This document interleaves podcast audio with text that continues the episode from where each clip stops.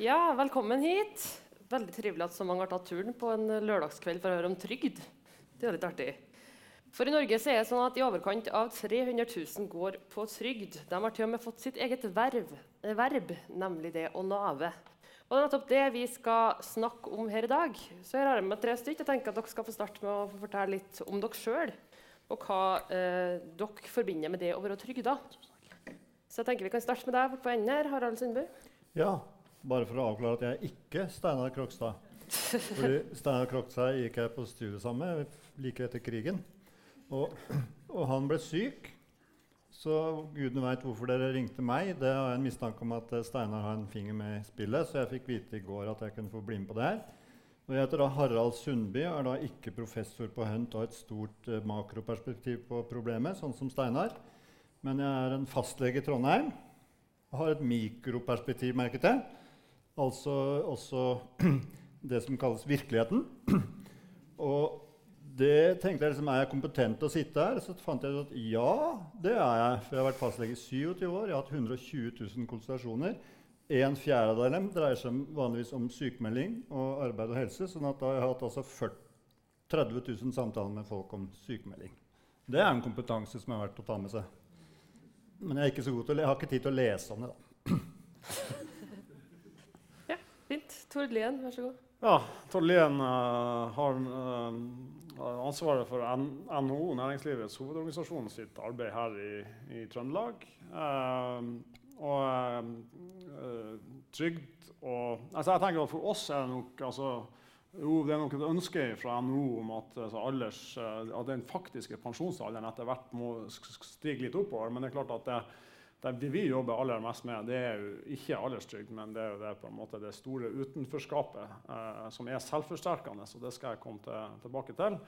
Eh, men det har seg jo slik at vi har eh, 2500 medlemsbedrifter i, fordelt over hele Trøndelag. Og de mangler i dag eh, ca. 4000 ansatte. Så jeg tro at Kommunene i Trøndelag vil si det samme, at de, kommer, de mangler antageligvis et par tusen, de òg. Eh, som arbeidstakere. Samtidig som vi vet at det er ja, 20 000 som, som, er i den alderen som man kaller for arbeidsdyktig alder. Det kan man jo diskutere, men det er jo et begrep som jeg heldigvis ikke har funnet opp. Men uh, i alderen da 15 til, til 70 år. Um, og Det er klart at uh, det er et problem for bedriftene. helt konkret. Derfor jobber vi ganske målretta med å få de folkene ut i jobb igjen. Uh, og så vet vi, Når jeg sier at det er en selvforsterkende effekt, så vet vi jo det at at, det, at, nærvær på jobb og det å føle at du er, er verdifull, at du gjør en nytte for deg sjøl, for bedriften og kollegaene i bedriften og for samfunnet, det bidrar jo også til å gjøre deg friskere. Derfor er det jo så viktig at vi som samfunn klarer å få uh, disse folkene tilbake i, uh, i, jobb, meningsfylt arbeid for seg sjøl, for samfunnet, uh, så raskt som, som mulig. Ja, takk. Og Mimir Kristiansson. Etter min har jeg jobba siden jeg var 17. Eh, mor mi har vært uføretrygda Hun ble vel uføretrygda to år før jeg begynte å jobbe. Eh, utenom det så jeg, eh, har jeg skrevet en bok som heter 'Mamma er trygda'. Og så er jeg eh, nå leder for et nytt utvalg i kommunestyret i Stavanger som heter 'Arbeidsliv og lønn' som har ansvar for de 11 000 ansatte i Stavanger kommune, og som skal jobbe med å senke sykefraværet blant de. Så det er vel mine kvalifikasjoner. Mm. Yes, takk. Uh, jeg tror vi skal starte litt med å snakke om det her bildet vi har av dem som er trygda, av dem som går på Nav, da, som det gjerne kalles. Uh, du, det, du, sa det i stad når du hadde en prat her, at du før du starta å skrive denne boka, hadde et bilde eller en oppfatning av en person som er trygda. Hvilke sånne oppfatninger eller bilder er vi har av dem som går på Nav? Jeg opplever vel at det fins eh, en, en, sterk vilje til å tro at det å gå på Nav er, er mer eller mindre frivillig. Eh, altså at jeg tror de aller fleste skjønner når de tenker seg om at det er ikke tilfellet. Mange er alvorlig syke osv. Men at det i hvert fall finnes en, en stor gruppe, de såkalte naverne, som på en måte velger Nav eh, framfor arbeid. Og til og med Bjarne Brøndbo, som er sikkert den folkeligste personen eh, det er mulig å tenke seg, eh, sier jo det at det er for lett i Norge å velge Nav som hovedarbeidsgiver. Og det syns jeg er absurd. Eh, fordi jeg opplever ikke at det er noe veldig enkelt å velge Nav som hovedarbeidsgiver.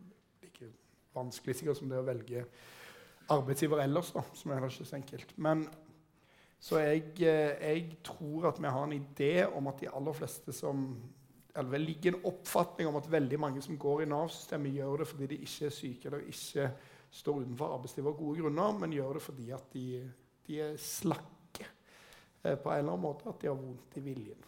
Det mener jeg er problematisk. Tord Lien, har du òg samme oppfatninga? Jeg tror, jeg tror, det er vanskelig å late som om at uh, Mimir ikke har rett på det at mange tenker at, uh, at, det er veldig mange som er på Nav, som er der fordi at det passer sånn. Uh, så, så, jeg er enig i det. Men så, så på en måte tenker jeg at Mimir konkluderer noe annerledes enn NHO og, og jeg gjør om hva det bør bety. Uh, fordi det, det, bør alltid være sånn at det ligger også et økonomisk incitament i å faktisk velge å gå på jobb.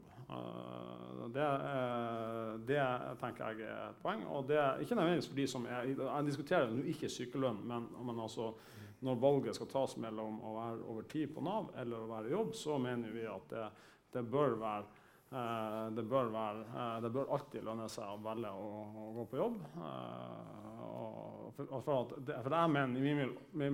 jeg er enig i at det, dette er en holdning som i, i for stor grad rammer for mange, også de som ikke har muligheten til å gå på jobb. men jeg tror ikke vi skal underkjenne at også er elementer at det er enklere å ta det valget enn f.eks. Vi ser jo f.eks. her i Trøndelag vi har massive mangel på arbeidskraft i store deler, særlig langs kysten. ikke sant? Den voldsomme veksten av havbruksnæringa i de siste 15 årene har gjort at vi har en massiv mangel på arbeidskraft. Det er en av få områder i Trøndelag du kan få jobb som ufaglært. Eh, men det er mye lettere å hente den arbeidskrafta fra andre deler av landet eller andre deler av Europa enn å hente den arbeidskrafta fra Eh, fra deler av Trøndelag hvor veksten ikke har vært like stor. Eller hvor faktisk, du har faktisk områder i Trøndelag hvor det har vært negativ økonomisk utvikling de siste 10-15 årene. Mm. Ja, ja, altså bare for å si, En problembeskrivelse vi deler, er jo at det er mange flere folk i Norge som burde vært i arbeidslivet. Eh, det tror jeg det går an å være enige om.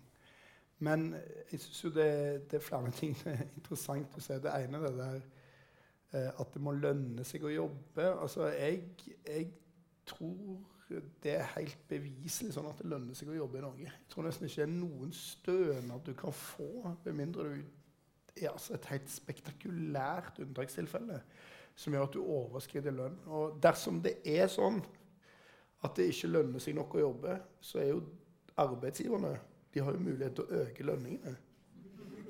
Så da kan man jo Det er jo en, en mulighet da, til å på en måte skape en, en, situasjon der det lønner seg veldig kraftig å jobbe. Men det som vi er enige om, da, det er jo at vi, få, vi har fått en utvikling i Norge der en del grupper handler ut av arbeidslivet. Og du var jo enig, du snakket med to nøkkelbegreper, både folk som er ufaglærte, og nettopp at vi importerer veldig mye arbeidskraft utenfra som utkonkurrerer norske arbeidere. Men ingenting av dette handler egentlig om sykdom eller trygd. Og egentlig Eh, så handler det heller ikke om at det er noe galt med folk, men det er noe vanskeligere å finne jobber. Og hvis du havner ut av arbeidslivet for tidlig i livet, så vet vi at det er grusomt vanskelig å komme seg inn igjen. Så det er jo en reell problemstilling.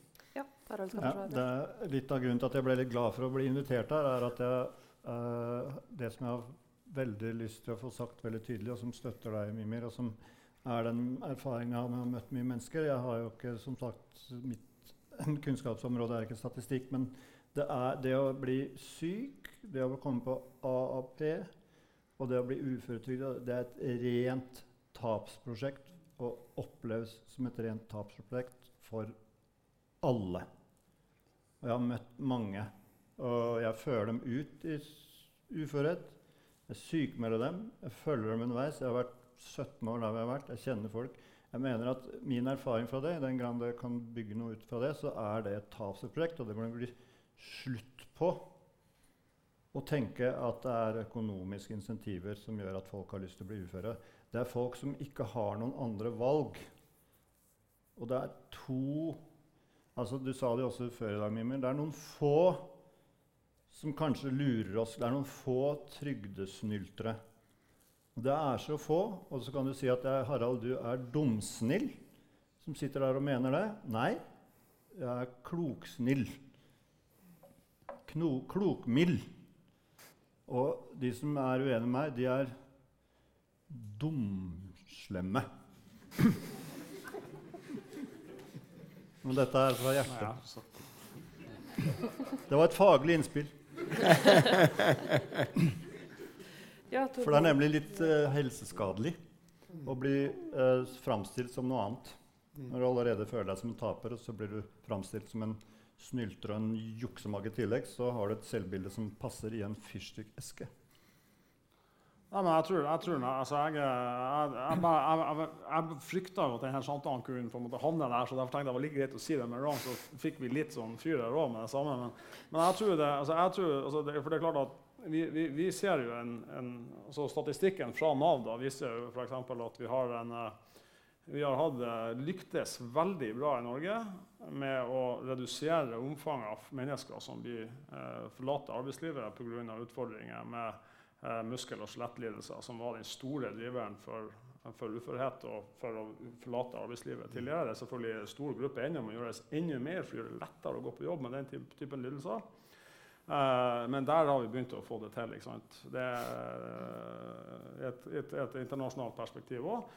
Men så ser vi jo at det på mange måter er erstatta av eh, psykiske lidelser. Altså sånn nært psykiske lidelser. Eh, og særlig blant altså Det var veldig mye folk i 40-50-årsalderen tidligere med muskel og skjelett. Nå er det yngre mennesker med psykiske utfordringer på et eller annet plan. Eh, så da tror jeg for så vidt at, at doktoren har, har rett til eh, i at eh, det hjelper ikke å gjøre disse menneskene enda mindre når målet er å få dem til å bli store nok til å komme ut i arbeidslivet igjen.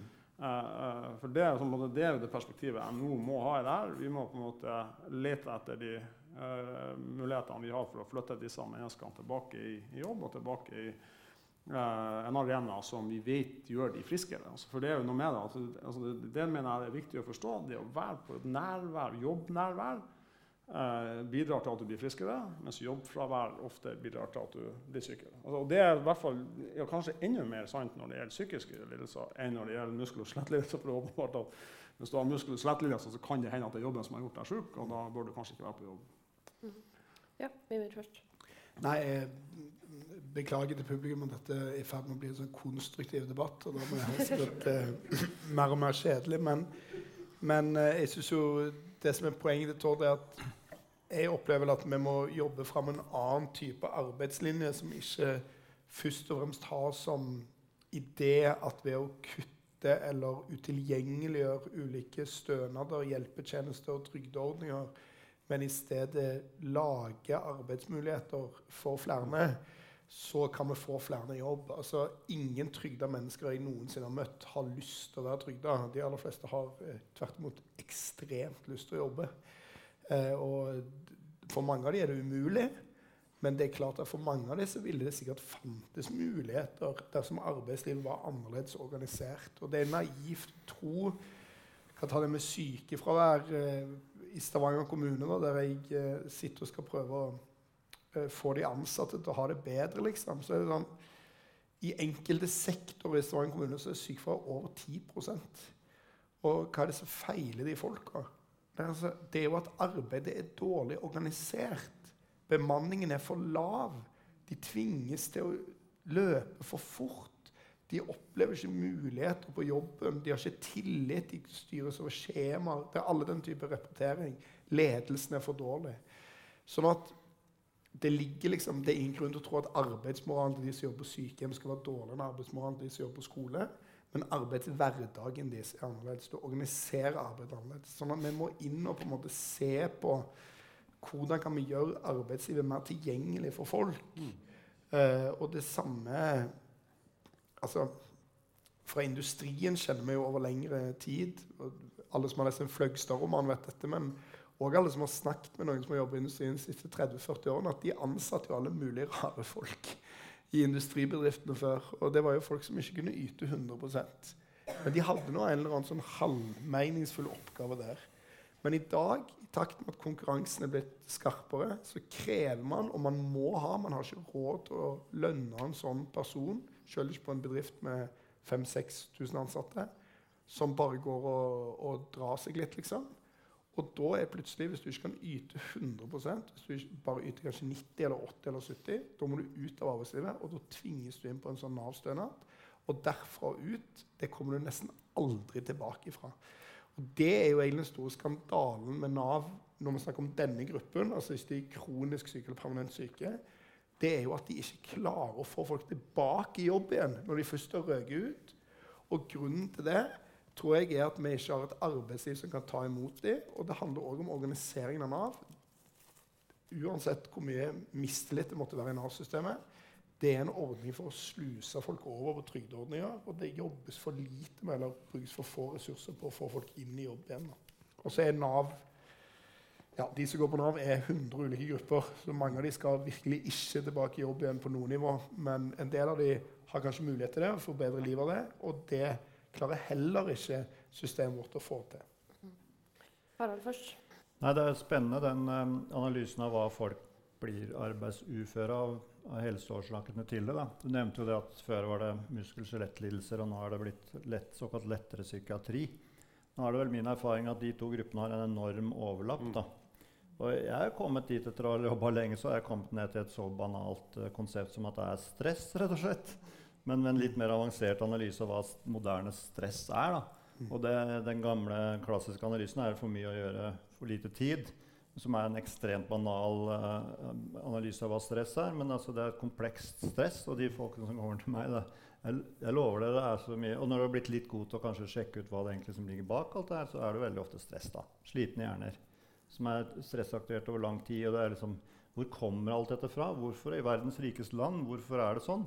Og Det synes jeg er en veldig interessant analyse. på hvor, Og det er veldig mange av dem som har, hvor arbeidslivet er en del av, av stressordene. da, som også kommer det til meg, og Da er det liksom tippa over. da, Det er kommet til en overbelastning, det er kommet til en ond sirkel.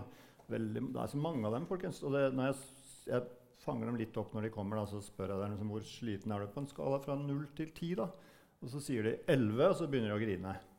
Og liksom, når de er så slitne, så tenker jeg at da må vi ta en pause tror jeg, et eller annet sted. Og da er det vel kanskje sjukmeldinga som er, er, svaret på det. Men nå bare rapporterer jeg ut fra en ekstremt stor del av min virkelighet. i forhold til at da er du allerede uh, på vei ut. Eller, altså, du mm. kommer jo gjerne inn igjen. Det tar ganske lang tid å hvile den hjernen. Men det er akkurat det, er, hvorfor, liksom, hvorfor har det blitt sånn? Mm. Og det kommer litt inn på det, liksom, Hvordan kan du forebygge det? Hvordan kan du analysere at dette For da har det gått to år, så er det vanskelig å komme på igjen. Da. Så det er mange sånne, det er ganske komplekst. da. Mm. Og veldig interessant, egentlig, i verdens rikeste land. Hvorfor i all verden blir vi så sjuke her? Men altså, vi har jo, vi har, Det vi har stålkontroll på altså jeg med at når AAP er uføretrygd, altså, da, da mister man på et eller annet tidspunkt tilknytninga til det arbeidsgiver som, er, som, ikke er bra, uansett hva en arbeidsgiver er. Men det vi har kontroll på, det er sykefravær opp til tolv måneder. Det har vi stålkontroll. Når, når, folk sier at IA-avtalen ikke har fungert, så, eh, så, så er det jo ikke det i industrien. Industrien har jo nå nådd alle målene som regjeringa eh, Stoltenberg vel, eh, men det kan jo altså, alle regjeringene har stått bak det. Eh, og LO og NHO og de andre eh, avtalepartnerne hadde eh, før IA-avtalen, er nådd i industrien. Og det er sykefravær som er sammenligna med hele resten av verden konkurransedyktig. Og, så, og lønna både i industrien og resten av norsk næringsliv det håper jeg at Rødt har respekt for at fastsettes i en avtale mellom partene i arbeidslivet, nemlig LO og NHO. Det gjør jo at vi klarer balansen mellom å ha en flat lønnsstruktur i Norge. Og Det gjør jo også at de i LO og NHO som tjener minst, de tjener likevel veldig bra. og Det er jo derfor Mimir veldig ofte har rett i det han sier. At, uh, at uh, du vil alltid tjene mer uansett hvilken jobb du har. Så vil du tjene mer uh, på å være i tilnærmet full jobb, antageligvis også i 75% jobb, enn du vil kunne få i, i trygd fordi at vi har en, sammen, en sammentrakt lønnsstruktur, og at de som tjener minst, tjener mye mer enn de som tjener minst i andre land, og de som tjener mest, tjener litt mindre enn de, eh, de som tjener mest i, i, mange andre land. Men det er klart at det jo bidrar også til det andre. At kravene til produktivitet det kan vi ikke stikke under en stol. Kravene til produktivitet er høyere. Men da er det jo et paradoks 10 Mimi. Altså, det, altså, det er jo altfor mye. Det er jo, det er jo ingen bedrifter i Norge som hadde overlevd med 10 sykefravær. Det har vært konkurs, alle sammen. Uh, men det er jo likevel lavere enn mange av de store enhetene her i Trondheim kommune. Mm. Uh, og, det, altså det, og, det, er jo Jeg vet ikke, sånn, jeg vet ikke hva, hva, jeg tør å påstå om uføretrygd og AAP. Uh, men sykefraværet er altså tre-fire ganger høyere i Trondheim kommune enn det medlemsbedriftene er nå. Mm. Ja, Mimir. bare for først Jeg kan svare til begge to. Mm. Jeg vil begynne med å si det med stress. Det er ganske interessant det du sier. fordi at og i den boka, når jeg har sett det på det, så er det, det er jo ganske påfallende. Det er veldig mange mennesker som havner utenfor arbeidslivet, rapporterer om. De forteller jo at det er veldig typisk å gjøre det å være arbeidsløs er jo fulltidsjobb. Eh, mor mi opplever så mye stress. Altså, det er helt utrolig. Hun har, hun har faen meg ingenting å gjøre. Hun gjør faen altså ingenting. Altså, hun er dritsjuk og er utenfor arbeidslivet og er hjemme. Men for henne så er det der at ja, Nå var det seneste i dag det var at det er noen problemer med brannalarmen i blokka der hun bor. Og for henne så er det der Hun har ingen digital tilgang. Sant? og Det er ringing og det er styring og det er alt mulig. Og det fins jo en systematisk undersøkelse av dette i England, den Whitehall-undersøkelsen, som undersøker alle offentlig ansatte, og oppdager paradoksalt nok at stressnivået er høyest. Og dette er målinger av sånn eh, hvilke hormoner du har i blodet, på en måte, hva du rapporterer og alt mulig, at nivået er høyest av stress nederst i det offentlige hierarkiet og lavest på sjefsnivå. Mm. Så du er mindre stressa når du styrer 10 000 folk, enn hvis du er på bånn av de 10 000 folka som blir styrt, og på en måte bare er vaktmester. Og det sier for meg noe om at du lager en form for hierarkier i arbeidslivet. Hva er det industrien lykkes med? Jo, det er jo en form for dialog, medbestemmelse med fagforeningene, som gjør at de føler at de kan lykkes med å påvirke hvordan arbeidsrutinene skal være på sin jobb, at de blir hørt og de blir lytta til osv. Det er også samme grunn til at industriarbeidere villig går ned i lønn i krisetider og forventer selvfølgelig tilsvarende oppgang når det går bra. Fordi de er trygge på at de har et samspill. I offentlig sektor, paradoksalt nok, så kan det ikke være på den måten. Og det må være grunnen til at det sykefraværet er så høyt. Det må være at veldig mange av de som jobber i offentlig sektor, enten de jobber i Nav, barnehager, skoler, eh, sykehjem, sykehus, de må oppleve i økende grad, tror jeg, å bli overstyrt av sjefer som ikke er interessert i å høre deres meninger, få deres løsninger, fortelle hvordan deres hverdag skal være. Og løsningen på dette dessverre for veldig mange mennesker, blir å sykmelde seg. Og det er ikke løgn heller. Altså, det er så viktig. De blir stressa, de får vondt i ryggen. De blir, dette er ikke på en måte fiktive sykdommer, men det skapes mm. på jobben. Du skal få svare, her, men jeg lurer òg på om vi skal bevege oss litt videre. så vi begynner å gå tom litt for tid. Men eh, det jeg har tenkt på det er at vi det har flere ganger sagt at vi knytter veldig mye identitet i Norge til å gå på jobb. Mm. Til hva vi driver med. Er det en slags skam i det å da ikke ha en jobb? Ja, det kan man vel trygt si at det er. Mm. Og skam er et ganske interessant fenomen, for skam er veldig stressende. Uh, du, jeg er litt opptatt av det med stress. Altså det, det, og det gir mening altså i den stressanalysen som gjør oss syke, da, som en, kanskje en av de viktigste delene som gjør oss syke, iallfall arbeidsuføre. Og da er jo avmakt og ensomhet mm. og skam det er jo det mest stressende av alt. Og da er, eh, det tenker jeg selvfølgelig, det er jo sånn som jeg er, eh, sånn som er rigga som mennesker, så er vi jo flokkdyr. Og det å bli utstøtt fra flokken er veldig farlig. Det er ensbetydende med døden. Eh, når vi ble generert i Rift Valley for 150 000 år siden. Og så enkelt er det. Sånn at det er avmakt, ensomhet og er det mest stressende, da. Jeg vet ikke om det ble svar på spørsmålet, egentlig, for det glemte jeg allerede. ja. Ja. Jeg må si for at det finnes massevis av undersøkelser på stress, og jeg skal ikke påstå jeg er noen sånn ekspert på det. Blant annet så skiller man mellom sånn positivt og negativt stress. Og jeg synes det er et veldig godt bilde på forskjellen mellom meg og min mor. Når jeg har positivt stress, så er det sånn Jeg har en deadline på en bok. Eller jeg skal holde et foredrag. Eller jeg skal stille til eksamen. Det er paradoksalt nok positivt stress. Mens hun har bare sånn negativt stress. Ting bare treffer hun i trynet. Og hun på en måte har ingenting hun skal, men hun får det der. Og det tror jeg gjelder veldig mange òg i en del deler av arbeidslivet. At den type stress du får, det er ikke knytta til dine ambisjoner, karriere. Det er knytta til at det hele veien kommer nye beskjeder ovenfra og ned som akkurat skaper den type avmakt og skamfølelsen. Også til det med at det er skamfullt å ikke jobbe i Norge. Altså, I Norge er det nærmeste vi har en moderne, sekulær religion, er den arbeidslinja. Og det er mye bra med den, men det er jo først og fremst bare viktig å konstatere at det har ikke funka så bra. fordi som går ned ennå så ekstatisk opptatt med at folk skal jobbe. Men viktigst av alt så er det bare tenk på hvordan en samtale mellom to nordmenn er. Hei, hva heter du? Hva driver du med? Og hvis det svaret på det er at du er trygda eller sykemeldt, så er den samtalen ferdig. Og da er du utenfor allerede der. Og jeg sa tidligere det foredraget i dag noen eksempler fra barnelitteraturen som jeg møter når jeg leser barnelitteratur for min datter, eller vi ser på barne-TV med henne.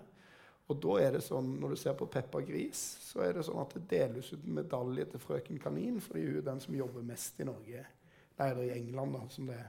Og da skal hun få medalje for det. Og Peppa, altså Frøken Kanin har 40 jobber.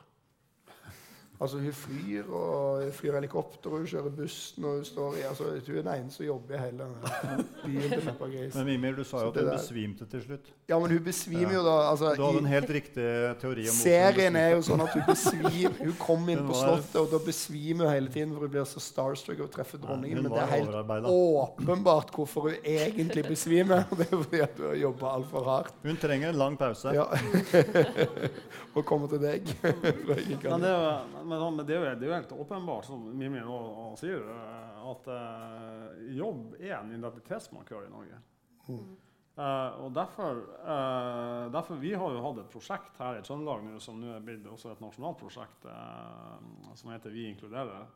Hvor målet er å matche de bedriftene som trenger da, arbeidskraft, med, med mennesker som, som, har en utfordring. Nettopp fordi at vi, vi vet at det å men sånn, jeg hører den jobbes, altså jeg oppfatter, for det, det, jeg tror Mimir peker på sant, det her med at norsk industri som er, altså, har løn, lønninger for fagarbeidere på bakken i Norge som er langt over alle vi konkurrerer med, eh, klarer seg likevel i den globale konkurransen, så er jo en av grunnene til det at veldig mange beslutninger altså Man gir, man gir beslutningsmyndighet og makt mm. til gruppen som faktisk gjør jobben nede på bakken de som faktisk setter sammen det produktet som skal selges til Asia eller til, til Sverige eller til Finnmark, eller hvor det er, eh, de har beslutningsmakt.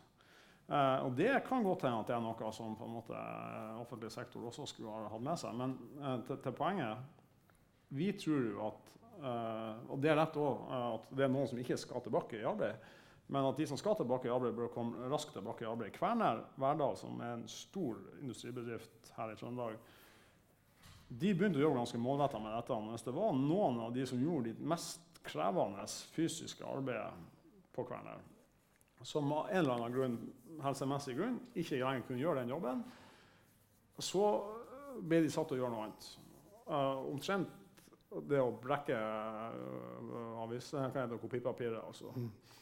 De var på jobb, de fikk betalt for å være på jobb, som alle andre. Og man så at det var langt flere av de som mye raskere kom tilbake i full jobb. Så, så, både som identitetsmarkør og som friskhetsmarkør så er nok arbeid viktig uh, i Norge, tenker jeg. Mm. Ja, For det første er det ikke sikkert altså Det er i hvert fall ikke bare dårlig at det er en identitetsmarkør med arbeid. Altså, det er bra det å ha som ideal at folk skal jobbe og sånn. Men det må bare ikke bli sånn at det sekundet du havner litt utenfor, så havner du helt utenfor.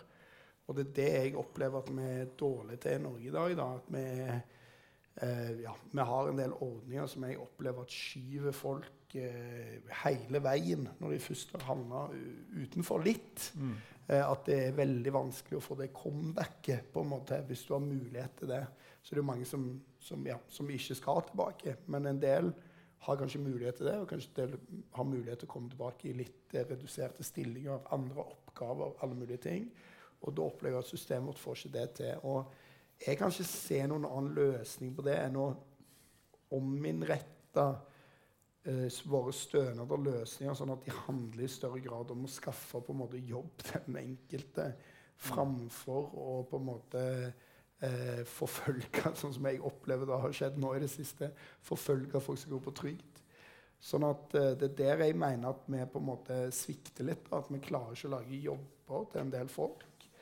Og dette er ikke enkelt heller, fordi en av grunnene til det sånn, er jo at lønnsnivået er høyt i Norge. og Derfor er det vanskelig å ansette folk på, eh, som ikke på en måte yter 100% Men det er grunnleggende dette som er det store problemet. Den norske staten taper masse penger hvis folk står utenfor og ikke kommer inn i jobb. Og de menneskene får det forferdelig av å stå utenfor og ikke komme inn i jobb. Så det er mulig å gjøre for mange, men da må det omrettes det systemet vi har, der vi skaper jobber, istedenfor sånn som jeg opplever i dag, forfølge trygda folk. få si litt, uh, altså er, det er, mange ting på bordet her, og jeg merker jeg blir veldig engasjert. Men uh, det, det, vi har folketrygdloven fra 1967 som jeg opplever som kanskje en sånn all time how, global high sosialdemokratisk velferdsmodell på sitt mm. aller beste. Hvis du ser hvordan den er definert og hva målet er. Det er Gerhardsen. Jeg vet at han var og jeg må, Hvis jeg skal være helt ærlig, så sitter jeg og Jeg føler at samfunnsoppdraget mitt som fastlege er å forvalte den arven. Jeg er så veldig godt oppdratt at jeg sitter Av og til har jeg så flotte møter med Nav og arbeidsgiver at jeg sitter, garasjen sitter der oppe og er stolt av oss. Det skjer også folkens, i dette landet. Men jeg har lyst til å også minne om at siden Gerhardsen regjerte, så har vi noe som heter kapitalismen. Som har blitt turbokapitalisme, senkapitalisme, og gudene veit hvor det ender. Og arbeidslivet er blitt brutalt. Men Tor, når du sitter her, så tenker jeg at dæven, jeg skulle gjerne vært på sånn inkluderende arbeidslivdialog med deg. For du er jo en klok mann. Men uh, det fins inkluderende arbeidsliv, som jeg er med på, dialoger om inkluderende arbeidsliv. Vi skal ikke gjøre det verre enn at hvis arbeidsgiveren er glad i arbeidstakeren sin, så blir det fort inklusjon. Men hvis arbeidsgiveren faktisk egentlig helst blir kvitt arbeidstakeren sin, så er det faktisk EA, ekskluderende arbeidsliv. Og hvis det er forkledd som IA fordi at man har en protokoll på det, så har fastlegen en kjempejobb. Og det skjer. sånn at det, er ikke, det går ikke an, det er, På mitt nivå så må hver sak ses for seg. Så det var litt om inklusjon og eksklusjon og de utfordringene vi har. Men iallfall det siste poenget da, det er at altså, Du skal ikke gjøre det der med at det er bra å være i arbeid. Ja, folkens, vi vet at fellesskapet er bra. Det er sunt. Hilsen meg. Det er veldig sunt å være i fellesskap, og det er usunt å være aleine. Sånn er vi kobla. Og det siste vi skal i fall gjøre, som vi kan gjøre noe med, er at folk som ramler ut av arbeidslivet, i tillegg skal få skylda for seg sjøl. Det er et fenomen som heter 'blaming the victim'. Og Der er det også et annet begrep som heter strukturell vold. Og det skal vi slutte med. Og det får du hilse noen av vennene dine og si. Ja. Veldig, veldig, usikker på både hva strukturell vold betyr, og hvem, hvilke venner jeg skal helse. Nei, det får, men, du, prøve å eh, finne, altså, bare, det får du prøve å finne ut. Nei, men jeg bare, uh, jeg bare, altså, jeg bare det, det, det, som gjorde at jeg følte at jeg hadde lyst til å ta ordet, var uh, refleksjonen rundt kapitalisme. Fordi at når da vi må anerkjenne at uh, vanlige arbeidstakere i Norge tjener mye penger relativt sett til veldig mange andre land, så er det pga av, av nasjonale eh, lønnsdannelse, koordinering av lønnsdannelsen mellom LO og NHO, som påvirker lønna til de fleste i salen nå, indirekte eller direkte. Eh, men det er også fordi at verdien av de eh, arbeidstakerne vi har i jobb, også er høy. Og, og som jeg sa i stad, nettopp pga. at kapitalismen nå eksisterer, så har jo ikke mine medlemmer har jo ikke råd til å ha den type sykefravær som du, du dessverre finner i en lang rekke kommuner. Mm. Uh, og da kan jeg si at ja, det er privat sektor, bedriftene i NHO er enda bedre enn bedriftene i Norge. Og så videre, men bedriftene i Norge er, er bedre enn kommunal sektor. Men det er jo skyhøy forskjell mellom kommunene også. Altså, og det er ikke avhengig av parti heller. skal jeg si, for det, Vi sitter i Arbeiderpartistyrte Trondheim, som har helt vilt høye tall. Og så er det litt lenger øst Malvik uh, som har langt større nærvær på jobb. Eh, og hva er grunnen til det? Trondheim er større, det kan påvirke, hva vet jeg, men eh, du sitter nærmere på på en måte alle sammen i Malvik. og Jeg vet ikke, men, men altså det, det, er ikke noen tvil om at uh, det er ikke kapitalismens skyld at folk ikke går på jobb i Norge. Altså. Noen måtte erte opp temperaturen litt. Nei da, nå skal jeg følge opp, jeg òg. Og vent litt, en ting til, en ting, jeg må få si en ting til. Og det andre er jo at vi har jobba masse vi har, altså det her prosjektet her, så jeg jobba masse med sjøl. Uh, og så ser du at jo, hvis vi bare gjør de rette tingene, gjør litt det Mimir sier, at vi faktisk, som, som regjeringa og stortingsflertallet nå er i ferd med å få på plass, at vi f.eks. åpner for å bruke Nav uh, trygdemidler da, til noe annet enn bare å betale ut trygd, men til å styrke kompetanse, til å gi lønnsbidrag til folk som faktisk er i jobb, og sånn, så får vi det til. Og Bedriftene i Trondheim er faktisk best også av bedriftene i Norge til å inkludere folk eh, som har, har hull i CV-en. Men så sier du de folkene, særlig de som ikke har utdanning. Og det er klart Mange av de som har tung rusutfordringer og styrer og spilt mye Nintendo fra de var 16 til de var 25 eller 22, eller hva det er for noe, de har ikke noen utdanning. Vi får plass til det i våre bedrifter. Det, det finnes ikke, nesten ikke et hotell i Trondheim og, og, som, som, ikke har ansatte med, med bistand fra inkluderingsbedrifter og fra Nav. Den typen mennesker. Men de får heller ikke plass i kommunen. Også. De får ikke jobb i kommunen, for de har ikke fagbrev, de har ikke sosionomutdanning, de har ikke sykepleierutdanning, de har ingenting. Eh, de har stikkende, som du sa selv i stad, de har sokkende lyst til å jobbe. Eh, det er det eneste de har. Det er det eneste de har. De har altså, mange, altså, dette er folk som har, måte, de har lagt bak seg en tung, altså en ordentlig trist liv. Med tung rusavhengighet og full baluba. Og så har de kommet seg opp. Og Det eneste de har lyst til, er å få seg jobb. Betale for seg sjøl. Liksom. Få seg den leiligheten. Uh, og de får vi plass til. Men de får vi ikke inn i kommunen.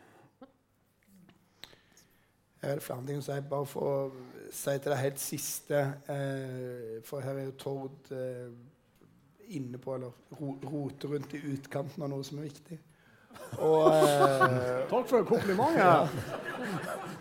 Nei, i hvert fall jeg, jeg vil jo si at det jeg, eh, jeg syns er ganske opplagt med dette, er jo at veldig mange som er ufaglærte, eh, som fikk jobb i Norge før, sliter med å få jobber nå. Og det skyldes jo bl.a. at vi har en ekstrem arbeidskraftsimport fra andre land, særlig EØS-området, innenfor mange områder. Og det, kan man mene hva man vil om, men det skyldes ikke egentlig at det er noe galt med de folka de folka fikk jobb i det norske, norske, arbeidsmarkedet før, og de får ikke jobb i det norske arbeidsmarkedet nå. Og det er på en måte et, et systemisk problem som det går sikkert an å løse på en ut av forskjellige måter, men det skyldes ikke antall timer Nintendo. på en måte. Altså Det skyldes eh, at de menneskene nå ikke har de jobbene, eller de blir utkonkurrert i de jobbene, fordi at de som tar de jobbene, kan jobbe for helt absurde og i mange tilfeller ulovlig mm. lave lønninger i det mm. useriøse delen av norsk arbeidslivet. Mm. Men det er det ene. Det andre med dette med kapitalisme sånn, altså, Å diskutere hvor mye kapitalisme skylder for både det ene og det andre Det er bare å konstatere én ting. I Norge kom arbeidslinja under Gro Arne Brundtland. Så innførte vi den. Nå skulle det lønne seg å jobbe. Det er litt uklart for meg eh, om de ikke gjorde det før Gro Brundtland kom. men det skulle lønne seg nå. Under Gerhardsen lønte det seg tydeligvis aldri, men under Brundtland så skulle det lønne seg. Siden da har arbeidsdeltakelsen, sysselsettingen, sunket. De tiltakene har altså ikke fungert. Det har ikke fungert på den måten man har ville ønske at det skulle. Og Da er det jo mulig å gjøre en av to ting. Det ene er å bare peise på som før holdt på i 25 år, men det kan jo funke de neste 25 årene. Eller du kan tenke kanskje er ikke det den riktige måten å få folk i arbeid på. For hva er realiteten? I Norge har vi et anstendig trygdesystem. Min opplevelse er at de aller fleste politikere høyre til venstre er glad i det systemet på en eller annen måte. I hvert fall ikke avskaffer det. Og det betyr at det fins for veldig mange et alternativ utenfor arbeidslivet.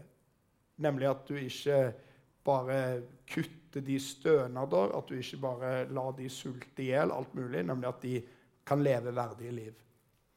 Det stiller jo et, en annen utfordring for oss. Det er selvfølgelig, Vi må hele veien ha et arbeidsliv som er i stand til å opprettholde dette trygdesystemet? Sånn at Det er jo ikke noe vanskelig å skjønne at det er flere som går på trygd i Norge nå enn det var i 1930. For i 1930 fantes det jo ikke trygd. Eller at det er på en måte flere som går på trygd nå enn det var i 1960, for det er før folketrygden. Men spørsmålet er jo Når vi i dag Alle våre trygdeordninger i dag fantes på slutten av 80-tallet. Og da var det høyere arbeidsdeltakelse i det norske arbeidslivet. Nå har det sunket, og trygdeordningene, om noe, har blitt uthula. Om noe har det lønna seg stadig mer å jobbe i Norge og stadig mindre å gå på trygd i nå 25 år. Og hva er svaret på det? Jo, vi skal fortsette med det. Men resultatene av den arbeidslinja som har vært, har vært at stadig flere havner utenfor arbeidslivet. Og det er jo det man er nødt til å svare på. Hvorfor skal alt det som ikke har funka de siste to tiårene, plutselig begynne å funke nå? Vi må dessverre begynne å runde av, men jeg har et siste spørsmål til dere. det går litt over tida her. Eh, men det er jo mye bra som er sagt her nå. Men hvordan skal vi som samfunn helt slutt møte dem som står utenfor arbeidslivet? Ja, Harald, kanskje? det tror jeg mitt svar blir det som jeg prøver å si til pasient, nei, studentene mine. Det er kanskje litt banalt, men hva er det egentlig som ligger i det ordet respekt? Og det er latinsk, og det betyr respektare. Det betyr se igjen. Så vi må iallfall beholde respekten for de som ramler ut. Og det fins kamp. Det fins store, øh, vonde kamper bak stort sett de som ramler ut av arbeidslivet. De har, står i kamp. Og ikke som min gode kollega, ikke så gode kollega Jørgen Skavlan sier, at nordmenn er blitt en bortskjemt gjeng som alle vil ha sitt eget talkshow. Det er vel ikke alle nordmenn som vil da det. Så mitt svar, mitt svar er respekt. Det er kanskje litt banalt, men det er også sant. Og det vil si at eh, Da vil jeg innføre istedenfor arbeidslinja, så vil jeg innføre noe som jeg har skrevet her voksenlinja. Voksne folk må, dette kan voksne folk forstå. Og Vi må slutte å banalisere. og Det fins ikke én løsning. For meg som fastlege så er det mantraet mitt at er, hvert menneske har sin historie. Det fins forskjellige løsninger for hvert menneske. Det er vanskelig å generalisere, og det tror jeg er en dyp sannhet. Og det, det, na, siste ord til meg, for jeg har nemlig funnet ut at var det naving som var årets ord en gang for noen år siden, og jeg introduserer da mitt uh, ord. Det er navmakt. Det blir årets ord. Yes, Da tror jeg vi får runde av på den, faktisk. Oi. Vi er litt uh, begynner å bli tom for tid, så slipper vi å gå noe over tida. Men tusen takk for dere som har vært her, og tusen takk til alle som kom. Vi ser veldig.